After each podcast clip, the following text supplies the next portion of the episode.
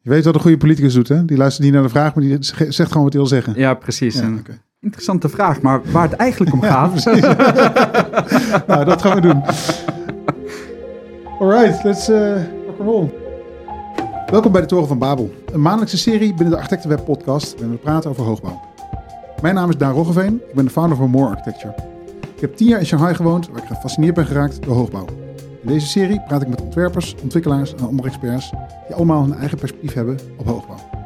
Samen gaan we op zoek naar het antwoord op de vraag: hoe maak je nu een echt goed hoog gebouw?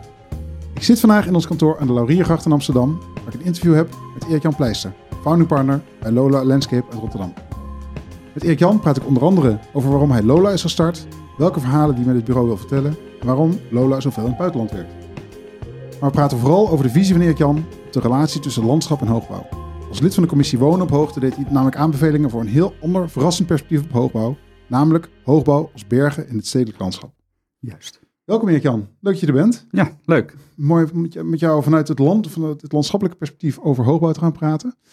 Over dat landschappelijke perspectief gesproken. Je, bent, je hebt landschapsarchitectuur gestudeerd in Wageningen en vrij snel na je afstuderen besloot je eh, Lola te starten. Wat was, wat was daarvoor de aanleiding? Kan je daar iets over vertellen?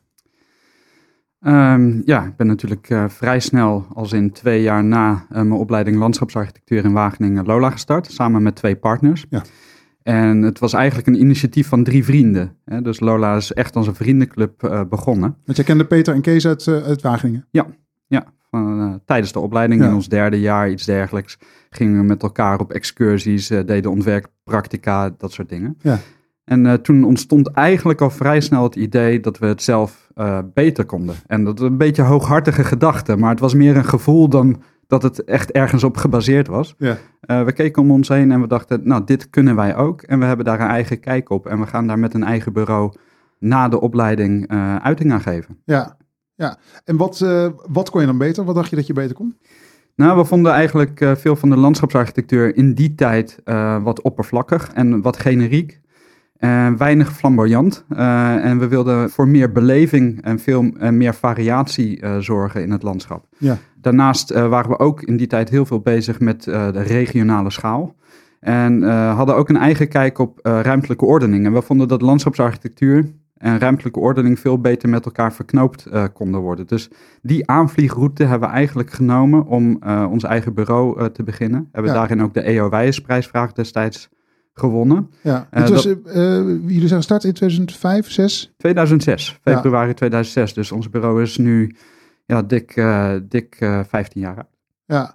En, en dus, maar je zegt toen was eigenlijk al aan de orde, want dit was wel echt een hele andere tijd natuurlijk, hè, Ja. 15 jaar terug. Ja. Dat je in de ruimtelijke ordening te weinig zeg maar, de elementen van landschap terug zag komen. Ja, kijk, eh, ik, ik ben opgegroeid aan het weiland, zou Ja. je kunnen zeggen. En in Berkel en Roderijs. Niet de meest geweldige plek om te wonen, maar mijn ouders hadden dan wel het geluk dat ze een woning eh, hadden aan, eh, aan het weiland. Ja. Eh, met ver uitzicht, zeg maar, over het platteland. En dat was voor mij de natuur, dat was de wildernis. Daar was ik ook altijd te vinden. Ja.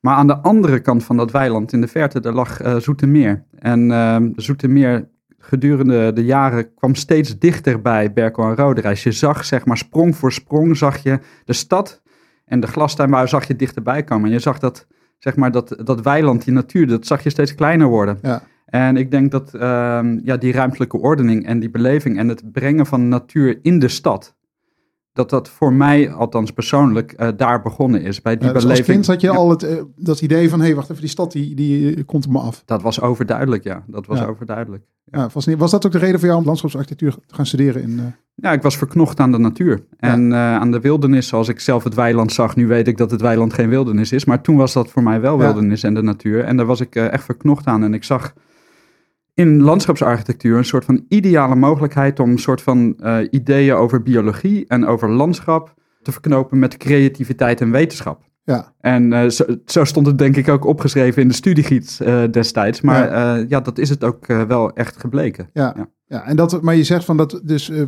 Peter en Kees en jij hadden het idee van, we kunnen dat beter, we kunnen dat anders.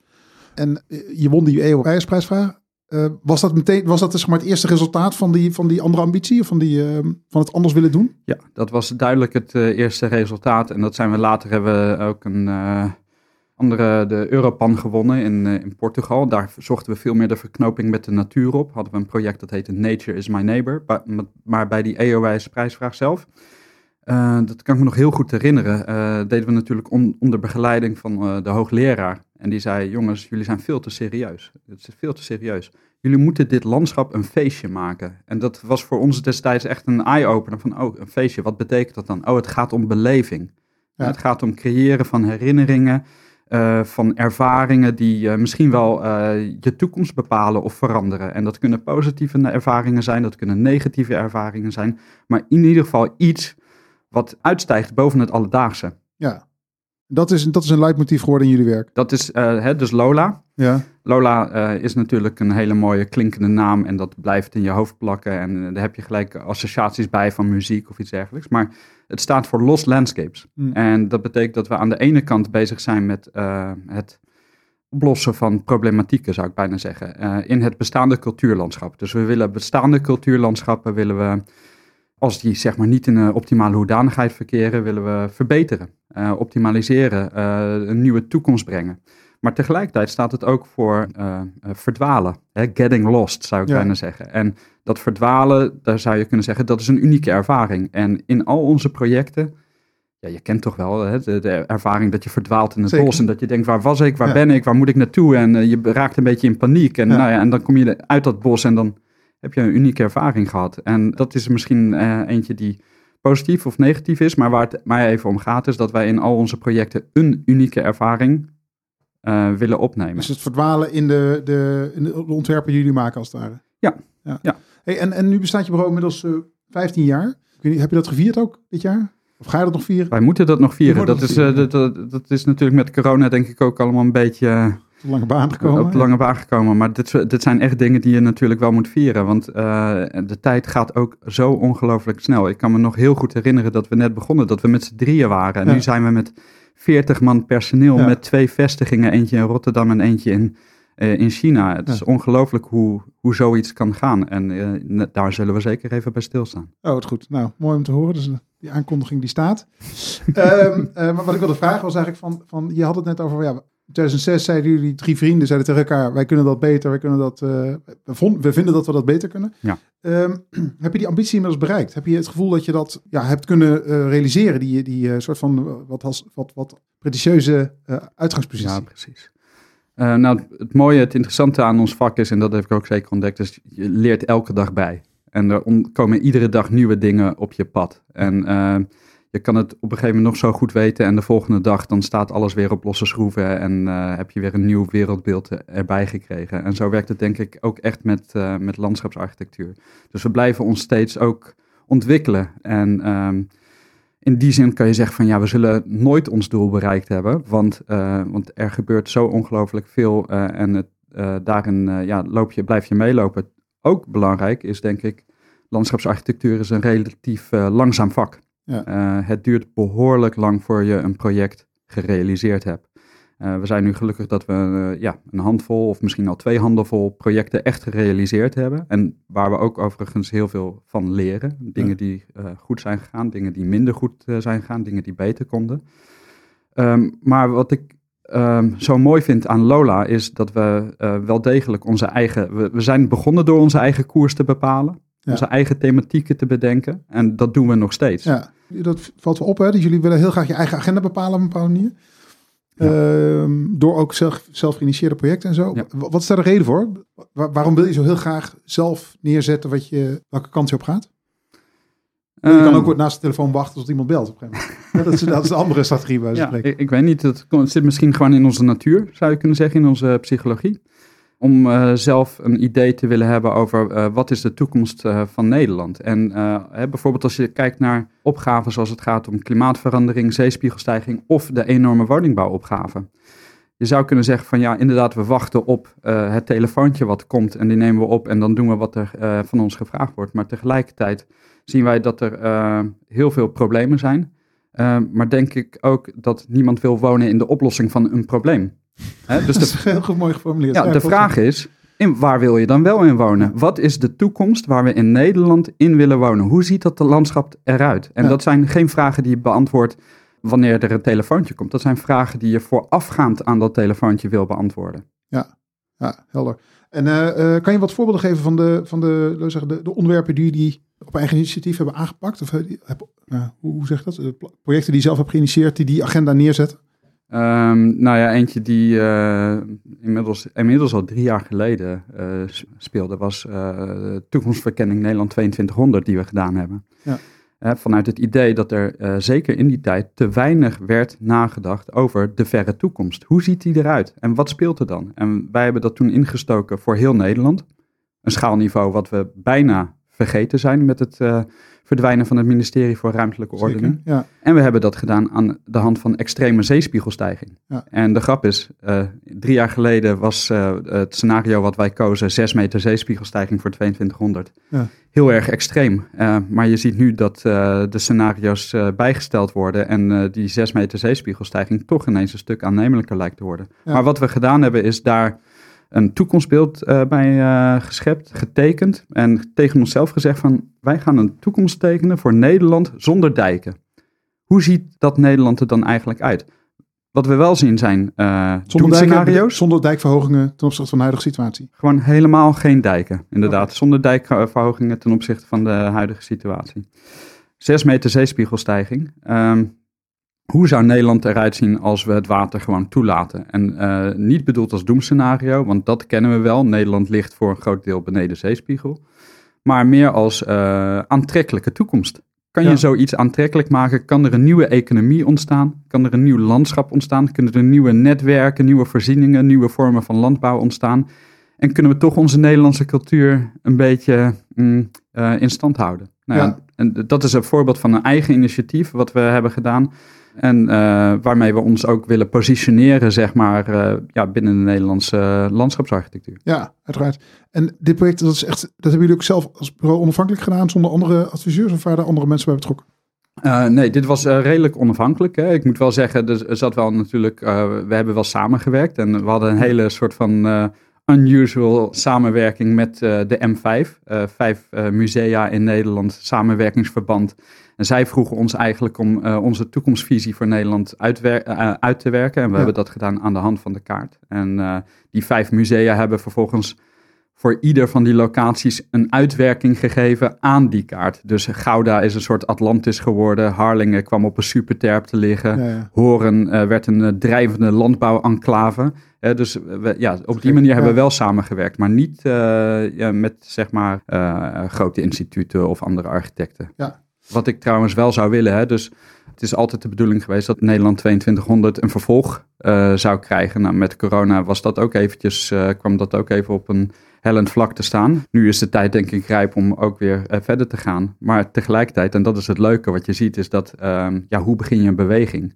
Die kaart, die heeft best wel impact gehad. En op dit moment, ik wil het nog net geen host noemen, maar je ziet duidelijk een een reeks aan vergelijkbare toekomstvisies die gepresenteerd worden voor heel Nederland. Uh, met verschillende, zeg maar, uh, invliegrichtingen. Uh, soms vanuit ecologie, soms vanuit zeespiegelstijging, soms vanuit netwerkingen, netwerken. Hè, maar ehm, soms veel integraler. Maar wat ik leuk vind, en dat was ook de bedoeling, want het was een oproep, Nederland 2200 uh, was om uh, met elkaar veel meer na te gaan denken over die verre toekomsten in het licht van klimaatverandering. Ja. En, op grote, en op het perspectief van het hele land. Juist, ja, ja. ja. Nou, fascinerend. Is dat ook, uh, wat, was, wat was wat op jouw hoofd, eh, als je nou die, stap, die volgende stap gaat maken in dit plan, wat is dan je belangrijkste aandachtspunt in een, in een vervolgstudie? Nou, wij hebben destijds als een soort van steen in de vijver hebben wij dat vanuit de zeespiegelstijging bekeken. Um, daar zaten natuurlijk ook andere, andere poten aan vast, hè? dus transport en ecologie en verstedelijking.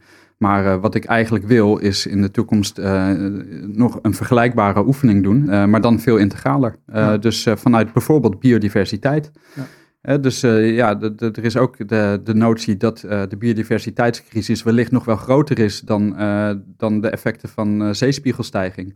En uh, ja, daar zou ik, uh, sta ik te popelen eigenlijk om in Nederland uh, voor de verre toekomst daar een toekomstbeeld bij te, te tekenen. Ja. Van wat, wat zijn daar de consequenties van? Of hoe kunnen we zeg maar dat probleem omdraaien naar, eh, eh, naar een mogelijke aantrekkelijke toekomst. Ja, dus eigenlijk ontwerpend werken aan dat soort, eh, dat Juist, soort eh, ja. vraagstukken die een heel sterke ruimtelijke component hebben. Ja, ik denk ook dat we daar een goede traditie eh, in hebben in Nederland, of in ieder geval in hadden. Hè. Tot eh, 2010, hè? Precies, precies. Ik bedoel, we hebben natuurlijk fantastische eh, inpolderingen gemaakt. We hebben eh, enorme eh, eh, uitbreidingen op ons landareaal eh, tot stand gebracht. Dus we hebben Ja. daar, en dat is allemaal aan de hand ge- eh, gegaan van eh, planning, ontwerp, civiele techniek. Dus ik, ik denk dat, eh, en die, ja, die schaal van denken en tekenen en ontwerpen, eh, die moeten we denk ik ook weer terughalen. Ja, absoluut. Nou, daar ben ik het alleen maar Ja.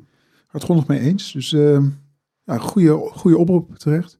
En jullie werken ook, door dit, dit zijn natuurlijk hele abstracte en eh, ja, bijna academische eh, eh, eh, projecten waar je aan werkt. Maar je hebt, werkt ook aan hele concrete en eh, Mhm. eh, realistische eh, projecten die hier ook gewoon in uitvoering gaan. De Mhm. voorbeeld ervan, we hadden het net al eventjes over, is eh eh Bijenskwartier in Amsterdam. Ja.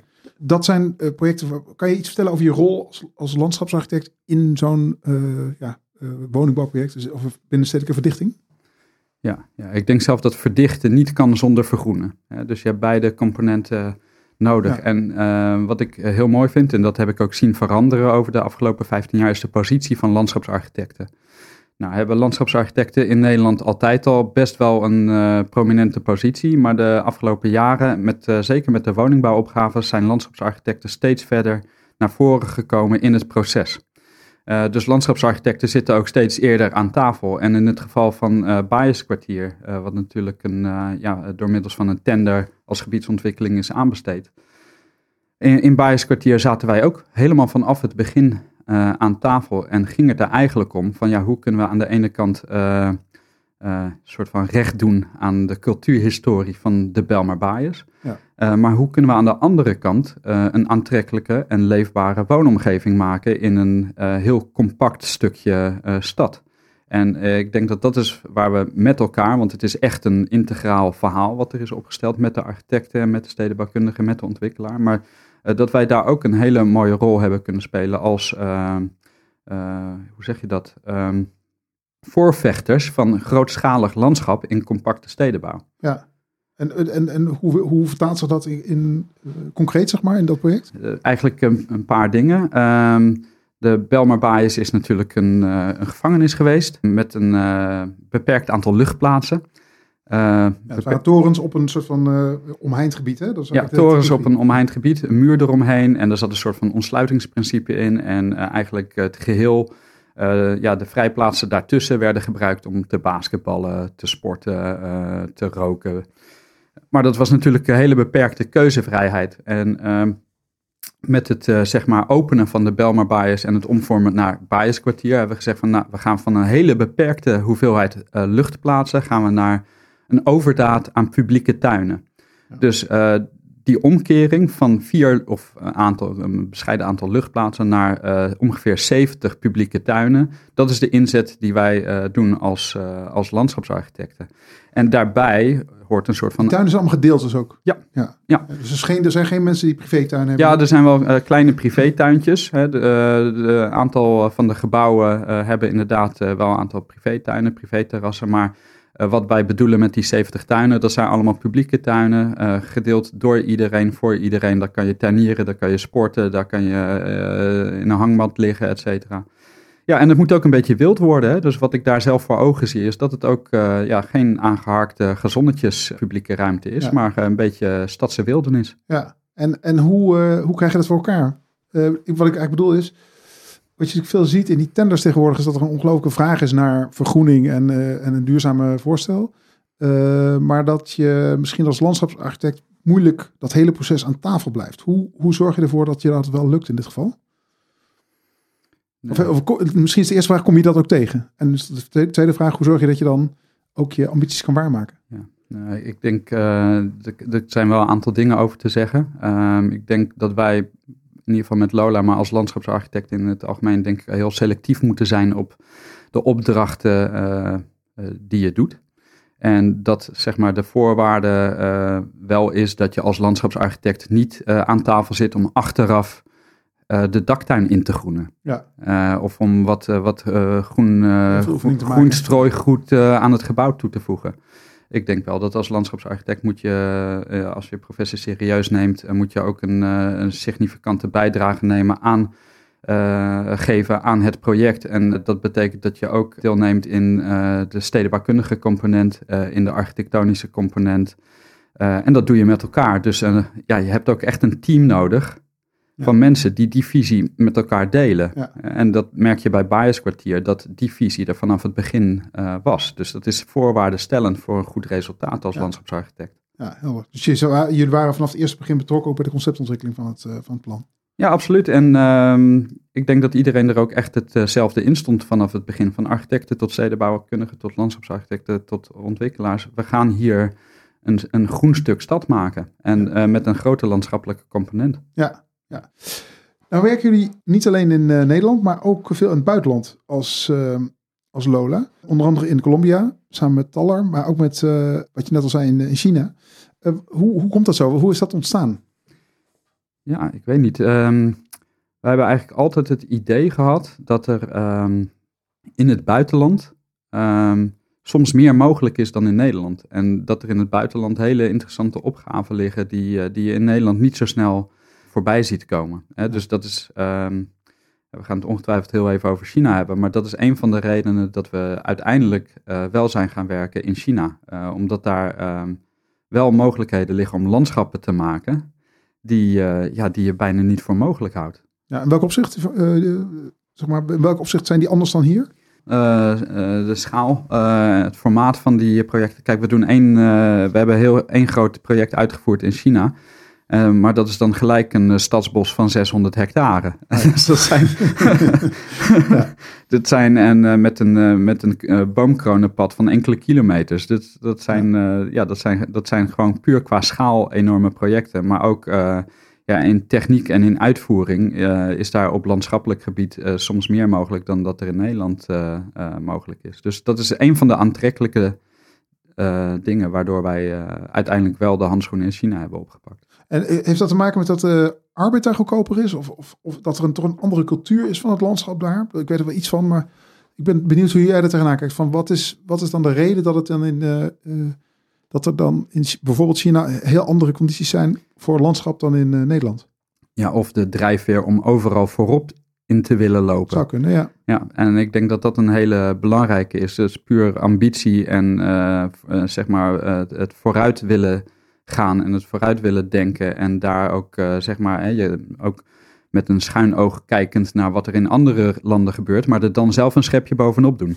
En uh, ik denk dat dat een uh, belangrijke aanleiding voor in, is in veel projecten in China om hoge ambitie te hebben. Maar tegelijkertijd is dat ook een soort cultuur geworden in, in veel Chinese projecten. Ja, ja. vind je dat positief? Of, ehm, ik, ik hoor een ondertoon van twijfel daar. Nou ja, uh, ja uh, ik, ik zei net al van er is ook een reden dat, uh, dat we een heel, hele lange tijd niet in China gewerkt hebben. Ook al kwamen er veel vragen uit dat land van prijsvraag hier, ontwerpproject daar. Ja. Heel lang afgehouden, omdat we het niet eens waren met de manier van ontwikkelen en de manier van bouwen. Hè. Dus om al die miljoenen steden uit de grond te trekken. Uh, werd ook het landschap geplunderd. Ja, en, uh, ja. ja. en, uh, en dat is natuurlijk niet iets waar we als landschapsarchitecten zomaar aan mee willen werken. Integendeel, we willen juist het landschap verbeteren vanuit onze visie van Lola Landscape Architects. Hè, het ja. optimaliseren van landschappen. En dan gaan we niet meewerken aan stedelijke ontwikkeling die het landschap uitbuit. Dus dat is heel lang wat we hebben afgehouden. Uh, we zien nu wel een soort van uh, kentering in China, in Chinese projecten, waarbij duurzaamheid uh, veel belangrijker is geworden, herstelopgaves veel belangrijker zijn geworden en ook de noodzaak er is ontstaan om eigen bevolking van die grote steden ook een leefbare omgeving aan te bieden. Ja. zodat ze niet met het vliegtuig naar andere landen hoeven te gaan om daar natuurparken te zien, maar dat ze dat gewoon in eigen land, in eigen regio, in eigen stadsregio ook kunnen doen. Ja. Uh, dus daardoor vinden we die opdrachten wel aantrekkelijk. Maar het moet natuurlijk wel steeds bij elkaar komen. Hè? Dus onze ja. visie en de projecten die we daaraan gereikt krijgen, zeg maar. Maar het past dus in die zin ook wel bij wat je eerder zei over verdichten betekent vergroenen. Ja, uh, absoluut. Het is die verdichtingsopgave in China, die zie je hand in hand gaan met een vergroeningsambitie. Uh, ja, ja. ambitie. Ja, ja en in, in die zin sluit, uh, sluit de visie van Lola en China natuurlijk uh, de, aan op de visie van uh, Lola in, in Nederland. Ja. Inderdaad, dat verdichten niet kan gaan zonder vergroenen. En mensen in China worden, net zoals mensen in Nederland, gewoon gelukkiger van het zien van natuur. Ja. Het hebben van groen om je heen maakt je gewoon gelukkiger. En ja, of dat nou in China is, of in Colombia, of in Duitsland, of in Frankrijk, of in Denemarken. Dat zijn dingen die we eigenlijk overal met ons vak uh, kunnen bewerkstelligen. Ja, waanzinnig. En, en je, uh, jullie hebben ook echt een vestiging in, in uh, China? Ja, dat klopt. Shenzhen? Ja. Je bent verre COVID, neem ik aan, daar niet geweest. Die, dus die bureaus die, die werken redelijk op afstand. Ja. Maar je hebt op dit moment lopende projecten daar die daar doorgaan. Ja, we hebben daar gewoon echt een tweede vestiging met zes tot acht mensen die daar aan uh, uitsluitend aan projecten in China werken. Ja, ja. nou wat geweldig. Hey, um, dan komen we onderhand bij het, uh, de aanleiding voor dit gesprek, namelijk uh, oh, ja. dat jij in de commissie Wonen op Hoogte zat. Ja. onder andere samen met Martine Vletter, die hier ja. al eerder te gast was. En nou sprak ik jou, of dus ik hoorde jou een presentatie houden tijdens de uitreiking van het rapport Wonen op Hoogte. Toen dacht ik, nou, die moet ik hebben voor de podcast, want die Erik Jan die kan, heeft een hele heldere visie op wat de rol van ecologie is in hoogbouw, wat mij betreft.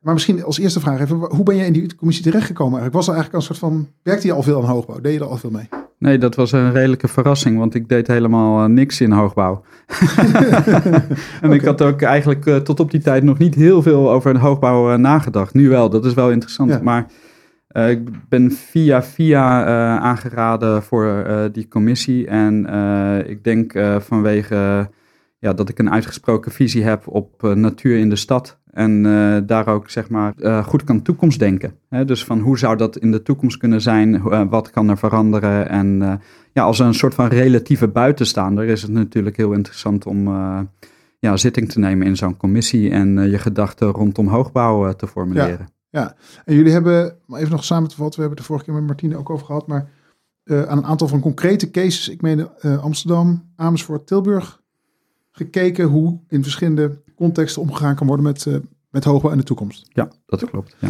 Nou, doen jullie vijf aanbevelingen voor een uh, kwaliteitsimpuls voor hoogbouw? Nou, dat zijn een aantal uh, aanbevelingen voor dus verbeteren, verbeterde kwaliteit. en er staat onder andere hoogbouw als, e als ecotoop en hoogbouw als klimaatmachine. Die komen denk ik mm -hmm. uit, uit jouw koker. Nou ja, dus uit, uit mijn koker, uit mijn koker. Die hebben we gewoon met elkaar, zeg maar, als commissie natuurlijk in elkaar gesleuteld. Maar het is wel zo dat ik uh, die commissie in ben gegaan vanuit het idee hoogbouw moet en kan uh, groener, kan natuurinclusiever en kan uh, veel klimaatvriendelijker, klimaatadaptiever zijn. Dus dat is wel de inzet geweest inderdaad van, van de deelname in die commissie. En het is ook goed om te zien dat dat ook gedeeld wordt en vervolgens tot uiting gebracht wordt in het rapport. En er zit er eigenlijk nog eentje bij die ik daar ook heel erg interessant in vind. Dat is hoogbouw als verbinder. Dus niet alleen ruimtelijk, maar ook sociaal. Maar hoe positioneert hoogbouw zich nou, zich nou eigenlijk uh, in de stad ja. en ook in het natuurlijke netwerk. Ja, dus de, de, uh, vanuit het landschap gedacht, uh, welke positie neemt hij in, in, het landschap, in het stedelijk landschap als het ware? Ja. Toch? Ja, ik zie een skyline. Als ik een skyline, als, stel als ik de skyline van Rotterdam zie, ja. vanaf de A20, dan zie je hem zo heel mooi liggen op het platte landschap. Dan zie ik eigenlijk ja, een hoge berg te liggen. Ja. Dus, uh, dus dat is de verbinding met het landschap. Alleen dat zie je alleen als je zeg maar door je oogharen heen kijkt. Hè. Als je de hoogbouw van veel dichterbij bekijkt, dan zie je geen natuurlandschap of berglandschap. Dan zie je een soort van, hoe zou je dat noemen? Ja. ja. een muur, een, uh, een, uh, een, ecologische dead zone. Hè. Daar, daar leeft helemaal niks, daar groeit niks. Daar wonen wel mensen in, maar de, verder is het gewoon helemaal dood. Ja. Dus die, maar dat perspectief van die bergen is natuurlijk interessant. Weet je, in, de, in die presentatie bij het rapport zei je van Stel dat je een vogel bent, hoe kijk je dan naar hoogbouw? Ja, precies. Ja, nee, dus vanuit de, eh, vanuit de natuur, vanuit fauna, vanuit vogels wordt denk ik heel anders naar hoogbouw gekeken. Die zien geen gebouw, die zien geen toren, die zien geen woningen. Die zien, die zien een plek om te nestelen of een plek om te fourageren of om tot rust te komen of uh, om te schuilen. Dus die zien eigenlijk dat veel meer als een berggebied bijvoorbeeld. Hè? Meer een metafoor van, van, ja, jongens, laten we nou eventjes niet naar hoogbouw kijken als een plek om te wonen. En als uh, plattegronden en appartementen. Laten we het nou zien als een leefomgeving. En niet alleen voor uh, mensen, maar voor alles, voor iedereen. En ja. dat betekent, dat wil ik eigenlijk ook zeggen, hè, dat we op een andere manier niet alleen naar hoogbouw moeten kijken, maar we moeten op een andere manier naar steden gaan kijken. Ja. Eh, ik zie steden zelf als eh, natuurgebieden. Dus laten we nou eens omdraaien. Steden zijn niet alleen voor mensen, maar steden zijn natuurgebieden. En daar is alles welkom. Van vogels tot aan zoogdieren, tot aan insecten, tot aan bloemen, planten. Alles moet zich daar kunnen vestigen. Ja. Dus je moet de condities creëren. En eh, ja, als je die condities creëert voor zo'n stad als natuurgebied, dan ontstaat er wellicht ook een hele andere stedelijkheid. Ja. En hoogbouw neemt daar dan vervolgens een positie in. Maar dus in het grotere verhaal van die, die, eigenlijk die, die stad niet. Dus niet, gaat er niet alleen om dat je de natuur de stad intrekt, maar eigenlijk dat je de stad leest als een natuurgebied waar toevallig wat gebouwen staan. Toch zo, zo benader je het. Precies. Ja. En uh, ja, ik denk ook, het is ook een andere benaderingswijze, denk ik, van, uh, van de buitenruimte van de stad. Ja. Uh, dus waarin we niet alleen maar bezig zijn met te beheren en kosten laag te houden. Het gaat veel meer om natuurlijke condities creëren. Dus zorgen dat uh, watersystemen werken, dat uh, groene structuren aaneengesloten zijn, dat de bodemcondities uh, goed zijn. Nou ja, en als je zeg maar op die manier die stadse wildernis tot de stad laat komen, in de stad laat komen, dan ontstaat er ook veel meer, nou ja, die, dat, dat stedelijke natuurgebied. En ik ja. denk, dat doen we niet alleen voor de natuur. Hè? Dus hè, dat zou je bijna bij zo'n verhaal gaan denken van, ja, oké, okay, moet, je, moet je dat nou per se doen voor de mussen of voor andere vogels of planten? Nee, we doen het voor onszelf. Het idee ja. is dat natuur goed is voor de mensen. Dat wij bij het zien van natuur, van groen om ons heen, gelukkiger zijn, gezonder zijn, rustiger zijn. Dat wij uh, minder conflict hebben, minder ruzies, minder criminaliteit. Dat is echt aangetoond dat dat zo is. Betere concentratie onder kinderen. Dat is allemaal aangetoond dat het zo is. Dat staat gewoon vast. Alleen het wordt in de praktijk nog veel te weinig toegepast, ja. wat mij betreft. Ja. ja. Nou, sprak je dus ook over, uh, dus als je die hoogbouw ziet als een, als een berg in, de, in een stedelijk landschap als het ware, ja. of in een landschap, dan heb je het dus ook over microklimaat. Dus dat wil zeggen dat een hoogbouwtoren, om, het maar zo te noemen, wij spreken ook verschillende klimaten kent van, vanaf zijn basis naar zijn top. Als daar. Kan je daar iets meer over vertellen? Ja, nou ja, nu zeg maar, als we dan in ontwikkeltenders zitten en dan wordt er gesproken over, uh, ja, we gaan een alzijdig gebouw maken. Dat betekent eigenlijk alleen maar dat de plint uh, aan, uh, dat er aan vier zijden een plint aan het gebouw is. Maar eigenlijk wat er denk ik ecologisch en landschappelijk veel interessanter is, is dat er om zo'n gebouw heen verschillende condities zijn. En die verschillende condities die zorgen weer voor verschillende habitats. Ja. dus de ene vogel die wil aan die gevel, de andere vleermuis wil aan die gevel. Um, dus eigenlijk, wat je dus wil zeggen, als je een alzijdig gebouw ontwerpt vanuit ecologie gezien, dan dan verschilt de zuidgevel bijvoorbeeld van de noordgevel. Net ja. zoals bij een gebergte. Ja. Dus de noordgevel is vaak veel groener en veel beboster. En de zuidgevel is, is kaal en is, uh, is door en staat bloot aan de, aan de, aan, aan de elementen. En dus op die manier uh, een alzijdig gebouw maken levert een heel ander gebouw op dan wat we nu doen. Met vier dezelfde gevels, vier dezelfde, plat, uh, dezelfde plattegronden, dezelfde materialen. Ja. Als ik een hoogbouwtoren zou ontwikkelen, zou die vier verschillende gevels krijgen met vier verschillende materialen. Ah, dat is interessant. En dan de hoogte in. Want hè, dus ook nog eens een keer een gradient van uh, laag tot hoog. Ja. Uh, waarbij de benedenlagen, misschien tot zeven hoog of iets dergelijks, uh, veel meer groen hebben. Veel meer parkachtige omgeving hebben. En ja, en zo werk je naar de top. En de top, ja, dat is gewoon een, een ruig rotslandschap. En daar kan je wel komen, maar daar waar je, daar waar je bijna van je sokken. Ja. Maar dat is een, een natuurinclusieve benadering van hoogbouw. Dus echt, echt het benaderen als een soort van landschap wat ook de hoogte ingaat. Ja, en dat kan er nog steeds architectonisch uitzien. Hè? Begrijp me goed, ik wil, geen, ik wil niet dat uh, hoogbouw eruit gaat zien als een berg. Wat ik wil benadrukken is dat door met landschappelijke en met ecologische condities te werken, er een heel ander uh, heel andere toren ontstaat. En wat moet er dan, er zijn natuurlijk wat voorbeelden van, van gebouwen die dat uh, doen. Eindhoven heeft natuurlijk met die Trudeau-toren een goed voorbeeld. Hmm. Kan je daar iets over vertellen? Want hoe, hoe uh, dat zijn natuurlijk de eerste case studies waarin we echt geprobeerd wordt dat landschap omhoog te trekken. Ja, ik denk zeg maar, hè, want er zijn nog niet zoveel goede voorbeelden. Dat is heel interessant. Er zijn eigenlijk voor, voor deze benadering nog niet zo heel veel goede voorbeelden. Het is natuurlijk zo dat hoogbouw, uh, zoals hij nu vaak is, bestaat uit het stapelen van telkens dezelfde plattegrond. Ja. En daarbovenop komt een dak. Nou, en dan zijn we blij als er op dat dak uh, zonnepanelen komen te liggen. En nog blijer als daar een groen dakje op komt te liggen. En dat mensen daar nog op kunnen. Maar het is heel, de mogelijkheden zijn eigenlijk heel erg beperkt. Ja, zeker. En ja, je wil ook de natuur laten floreren. En je wilt niet laten creperen. En dat is wat vaak gebeurt bij, uh, de, bij dat soort uh, daktuinsituaties. De mogelijkheden zijn beperkt. En uh, meer is altijd beter. Dus bij landschap, bij natuur, eigenlijk vind ik een uh, stelregel, meer is beter en pak vooral ook gewoon groot uit. Um, ja, de Trudactoren. Wat ik wilde zeggen is van ja, eigenlijk moeten we dus zo'n gebouw, als we dat echt natuurinclusief willen maken, op, compleet opnieuw uitvinden. En bij de Trudactoren vind ik, uh, daar heb ik heel veel respect voor, want daarbij wordt dat wel gedaan. Hè? Er, worden echt compromisloze plattegronden gemaakt met enorme plantenbakken waar echt grote bomen in komen te staan. En er zijn maar weinig voorbeelden, en zeker in Nederland, uh, die op die manier meer is beter landschap en biodiversiteit weten te integreren. Ik zou bijna zeggen, hij is alleen te kort. Hè? Je moet eigenlijk nog groter gaan, nog hoger. En dan moeten die landschappelijke condities richting de top veranderen. En dan moet die ruigte en die rotsen aan de... Aan, wordt het alleen maar mos of zo. Precies. Ja, Maar zeg maar als basis, als valleitype... want dit is een beetje het verliepen, type wat je in de vallei van een berggebied hebt... is het, eh, vind ik, een fantastische... Uh, ik weet niet, ik weet niet hoe hoog dat ding is. Een meter of 90 of zo? Ja, zoiets. 70, 90. Maar die bomen gaan dus echt helemaal tot. Ik heb hem nog niet ja. gezien, maar de, de, die bomen gaan lopen echt helemaal tot ja, 90 meter. Kan dat gewoon echt? Blijft dat ieder, gewoon staan? Uh, ieder appartement heeft, uh, ieder appartement heeft een uh, terras, ja. een balkon. En aan dat balkon twee van die hele grote plantenbakken. En ieder van die plantenbakken heeft vervolgens weer een grote boom erin staan. Ja. Hoe gaat dat dan over 20 jaar? Hoe staan die, die bomen en die plantenbakken er dan bij? Kan je daar iets, heb je daar een beeld van? Ja, we hebben natuurlijk de plaatjes van het voorbeeld uh, de voorloper in Italië. Uiteraard, ja. Maar die is, nog, die is vijf jaar oud? Ja, maar die is natuurlijk wel qua groen echt uh, geëxplodeerd zo ja, ongeveer. zeker. Ja. ja. Dus maar ik... dit, dit, blijft op zo'n manier radicaal vergroenen. Dat is gewoon echt uh, de toekomst. Maar je zegt eigenlijk als ik je goed beluister, dat, dat moet nog wat diverser. Dus dit is eigenlijk vrij monotoon. Ja. De manier waarop het groene boven is getrokken. Het is ook één boomtype, denk ik, of niet? Nee, nee, nee, nee. nee. Het is een hele rijkdom aan ja, soorten. Okay, ja, dat is echt een rijkdom aan soorten. Er zitten 125 bomen op die oh, toren. En uh, ik weet niet precies welke soorten allemaal, maar het is heel duidelijk dat er een uh, palet aan soorten is toegepast. Oké. En, uh, maar dus als, ja, als aan jou zou liggen, diverse, wat nog meer?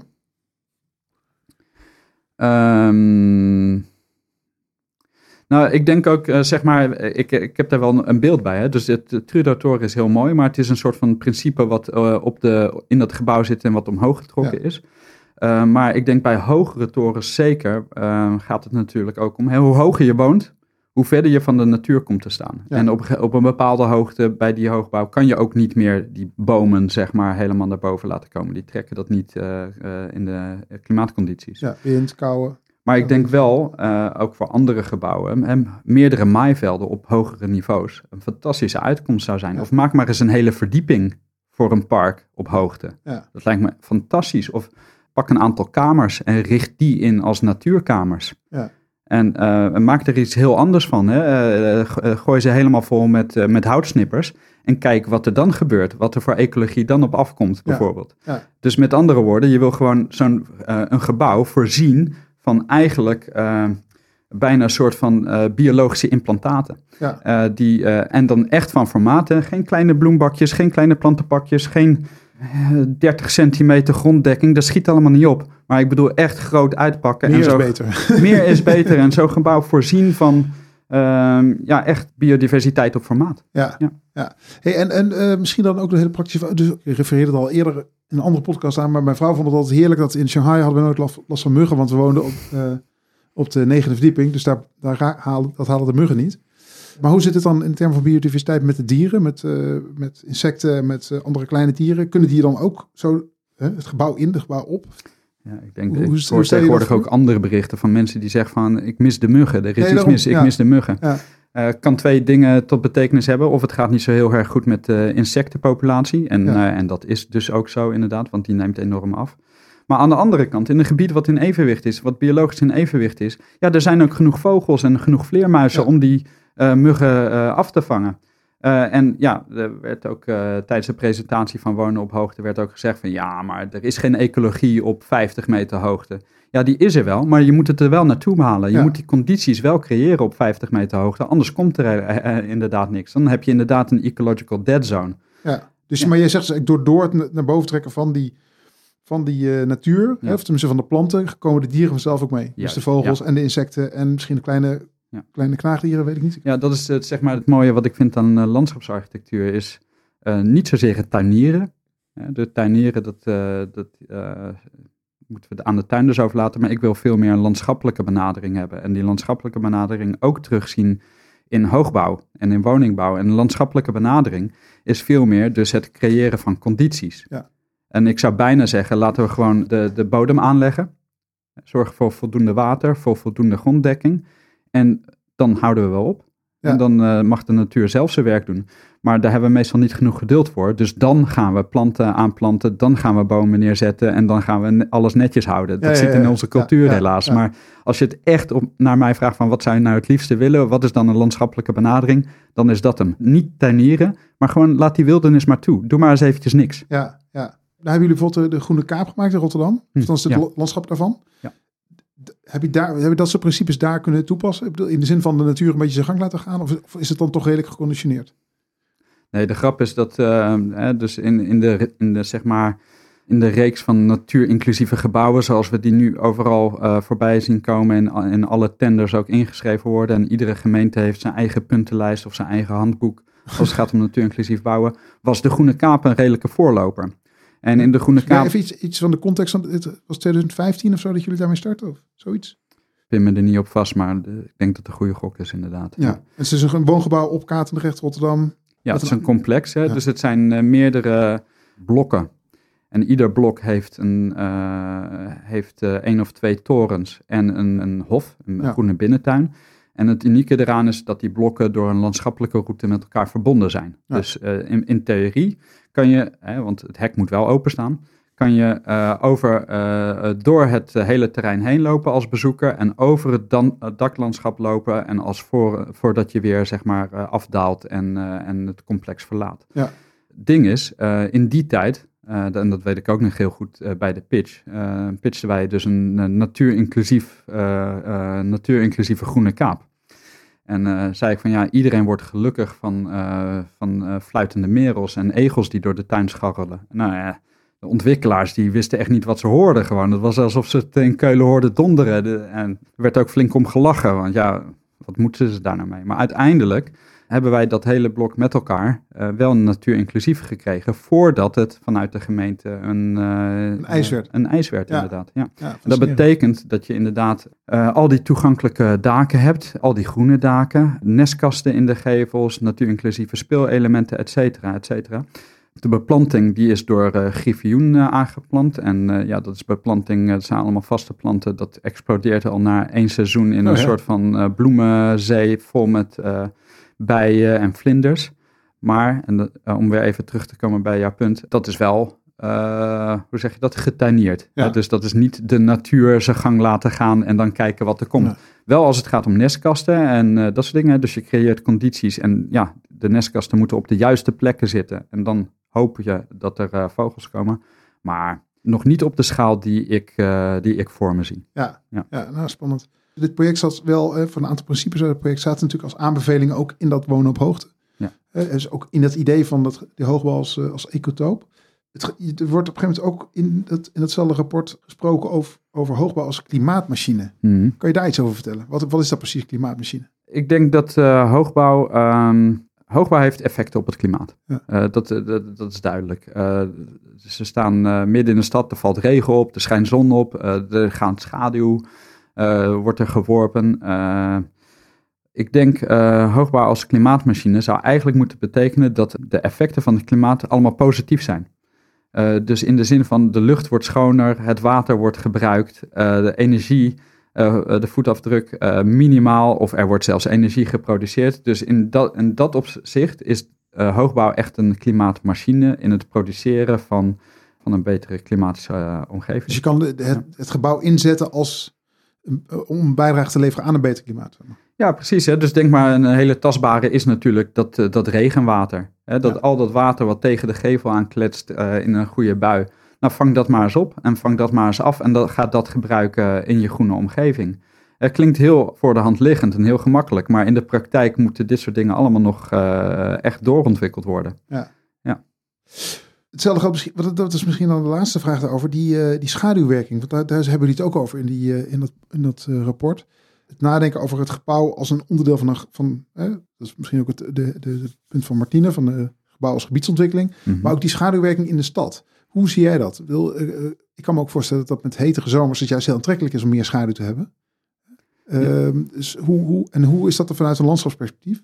Ja, schaduw is helemaal niet zo heel, uh, heel vervelend inderdaad. En schaduw is ook gewoon noodzakelijk en werkt ook heel erg goed tegen hittestress. Ik, ja. ik moet wel zeggen dat, dat, ook tijdens de presentatie, zoals dat gezegd werd, uh, wat was het ook weer? Ruimtelijke impact is gebouwhoogte maal vloeroppervlak. Ja, hè? Zoiets dergelijks. Dus Art, is een uh, Ja, precies. Formule, ja, ja. inderdaad. En dus het gaat natuurlijk om wat is de ruimtelijke impact van zo'n hoogbouwontwikkeling in de stad. En hoe hoger je gaat, hoe meer impact, hoe, hoe meer impact je krijgt. Hè? En het is natuurlijk een beetje afhankelijk van de context. Staat zo'n gebouw in, in een omgeving met heel veel andere hoogbouw?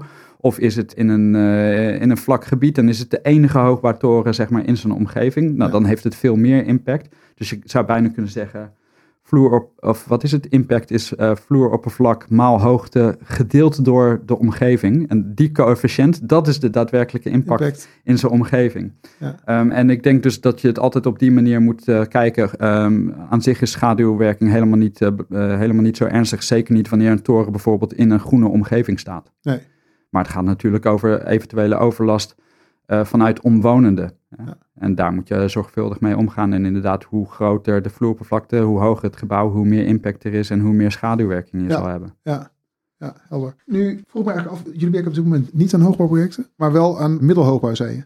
Ja, nou, we hebben veel, van, veel projecten uh, binnen typologie bouwblok met uh, één of twee middelhoogbouwtorens. Ja werk ook toevallig aan een toren van 120 meter op het moment. Maar, uh, maar veel van onze veel, veel projecten bestaan uit uh, ja, die typologie. Zo'n toren uh, hoger dan 30 meter tot 70 meter. Nou ja, zoiets dergelijks. Ja, ja. ja op zo'n dikke plint. Op zo'n dikke plint en met een binnentuin en, en groene daken. Zoiets dergelijks. En merk je dat je je ambities dan goed kwijt kan in die, in die projecten waar je nu mee bezig bent? Ik merk dat het, en dat is denk ik wat ik heel erg tegenkom op het moment in ontwikkeltenders is uh, dat het thema natuur inclusief ontzettend naar voren is gekomen, ook in die projecten. En vervolgens in de tenders uh, opgenomen wordt uh, vanuit eigenlijk alle gemeentes. Maar zodanig wordt omschreven dat het een soort van opplak natuurinclusiviteit wordt. Met andere woorden, er staat precies om, omschreven hoeveel nestkasten je moet toepassen, hoeveel groen uh, dak, hoeveel groene gevel, uh, et cetera. En hoe meer punten je scoort op, op die elementen, ja, ja. zeg maar, ja. hoe groter, je, hoe beter de beoordeling is. En wat is nou mijn kritiek daarop, is eigenlijk dat het, het is niet de vraag hè, die gesteld wordt van hoe ontwikkel je een natuurinclusief gebouw. Het is het antwoord wat geboden wordt, namelijk pas deze en deze en deze maatregelen toe. En op die manier omgaan met natuurinclusiviteit, dat schiet denk ik zijn doel voorbij. Je wil weten hoe sluit deze ontwikkeling aan op het natuurnetwerk van de stad. Dat is wat je wil weten. En hoe draagt het daaraan bij? En dat vereist een kennis van het natuurnetwerk van de stad. En dat vraagt om de deelname van ecologen bijvoorbeeld in zo'n ontwikkeltender. Dat wordt niet gevraagd in die ontwikkeltenders. wordt niet gevraagd, uh, laat een ecoloog deelnemen in deze competitie. Nee, het gaat erom pas zoveel mogelijk nestkasten toe. Ja. Dus ik denk dat daar een belangrijke, nou dat is een trend, dat gebeurt, maar dat is niet uh, de juiste manier van werken. Nou, dat is een heel, heel duidelijke uh, betoog.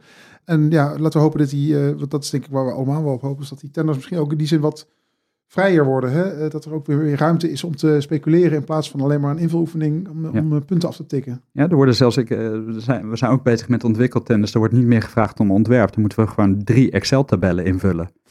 Waar? Oh, dat heb ik nog niet meegemaakt. Ja, maar dat is wel... drie Excel-tabellen invullen en uh, daarmee door naar de volgende ronde. Oh, ja. ongelooflijk. Ah, nou ja, goed. Dat is zeg maar rock bottom in termen van, uh, van, uh, van, van tenderen. We gaan dus afronden, denk ik. Volgens mij hebben we een heleboel onderwerpen hebben de revue gepasseerd. Ehm, wat ik al zei in de introductie is van de, hoofdvraag van deze podcast natuurlijk. Hoe maak je nu een echt goed hoog gebouw? En um, ja, ik vind het heel verfrissend om juist met iemand aan tafel te zitten die vanuit een heel ander perspectief kijkt naar de stad en ook naar, naar die uh, hoge gebouwen. Maar wat zou jouw antwoord zijn op die vraag? Uh, helemaal opnieuw beginnen. En vanuit het landschap gaan denken en werken. En dat betekent andere materialen toepassen. Gevels vanuit biotopen bekijken. en dus habitats. Ja. Um, en experimenteel zijn. Dus uh, werken met, met 3D-print, met bioreceptief beton bijvoorbeeld. Ja. En niet bang zijn voor de natuur. Dat is heel erg wat, wat er gebeurt. Dus misschien is dat wel mijn belangrijkste advies. Niet bang zijn voor de natuur. Op het moment dat wij met natuurinclusieve voorstellen komen, zijn de, de, zijn de reacties altijd als eerste: ja, maar wordt niet alles heel erg vies? Hebben we niet heel erg veel overlast van, uh, van die vogels? Die schijten toch alle auto's onder? Ja. ja op die manier uh, staat, staan we natuurlijk uh, de natuur-inclusieve benadering wel een beetje in de weg. Ja. Dus wees niet bang voor de natuur. Laat de wildernis een beetje toe en vooral groots uitpakken. niet terughoudend zijn. Meer is beter. Helder. Dankjewel Erik-Jan. Deze podcast werd mede mogelijk gemaakt door Stichting Hoogbouw en verschijnt op het platform van Architectenweb. Mijn naam is Daan Roggeveen. Maak deze podcast samen met Lieven Heremans. Muziek werd gemaakt door mijn broer Job Roggeveen. Volg deze podcast via je eigen podcast-app. Reacties kun je sturen naar hoogbouw.more-architecture.com. Bedankt voor het luisteren en tot volgende maand.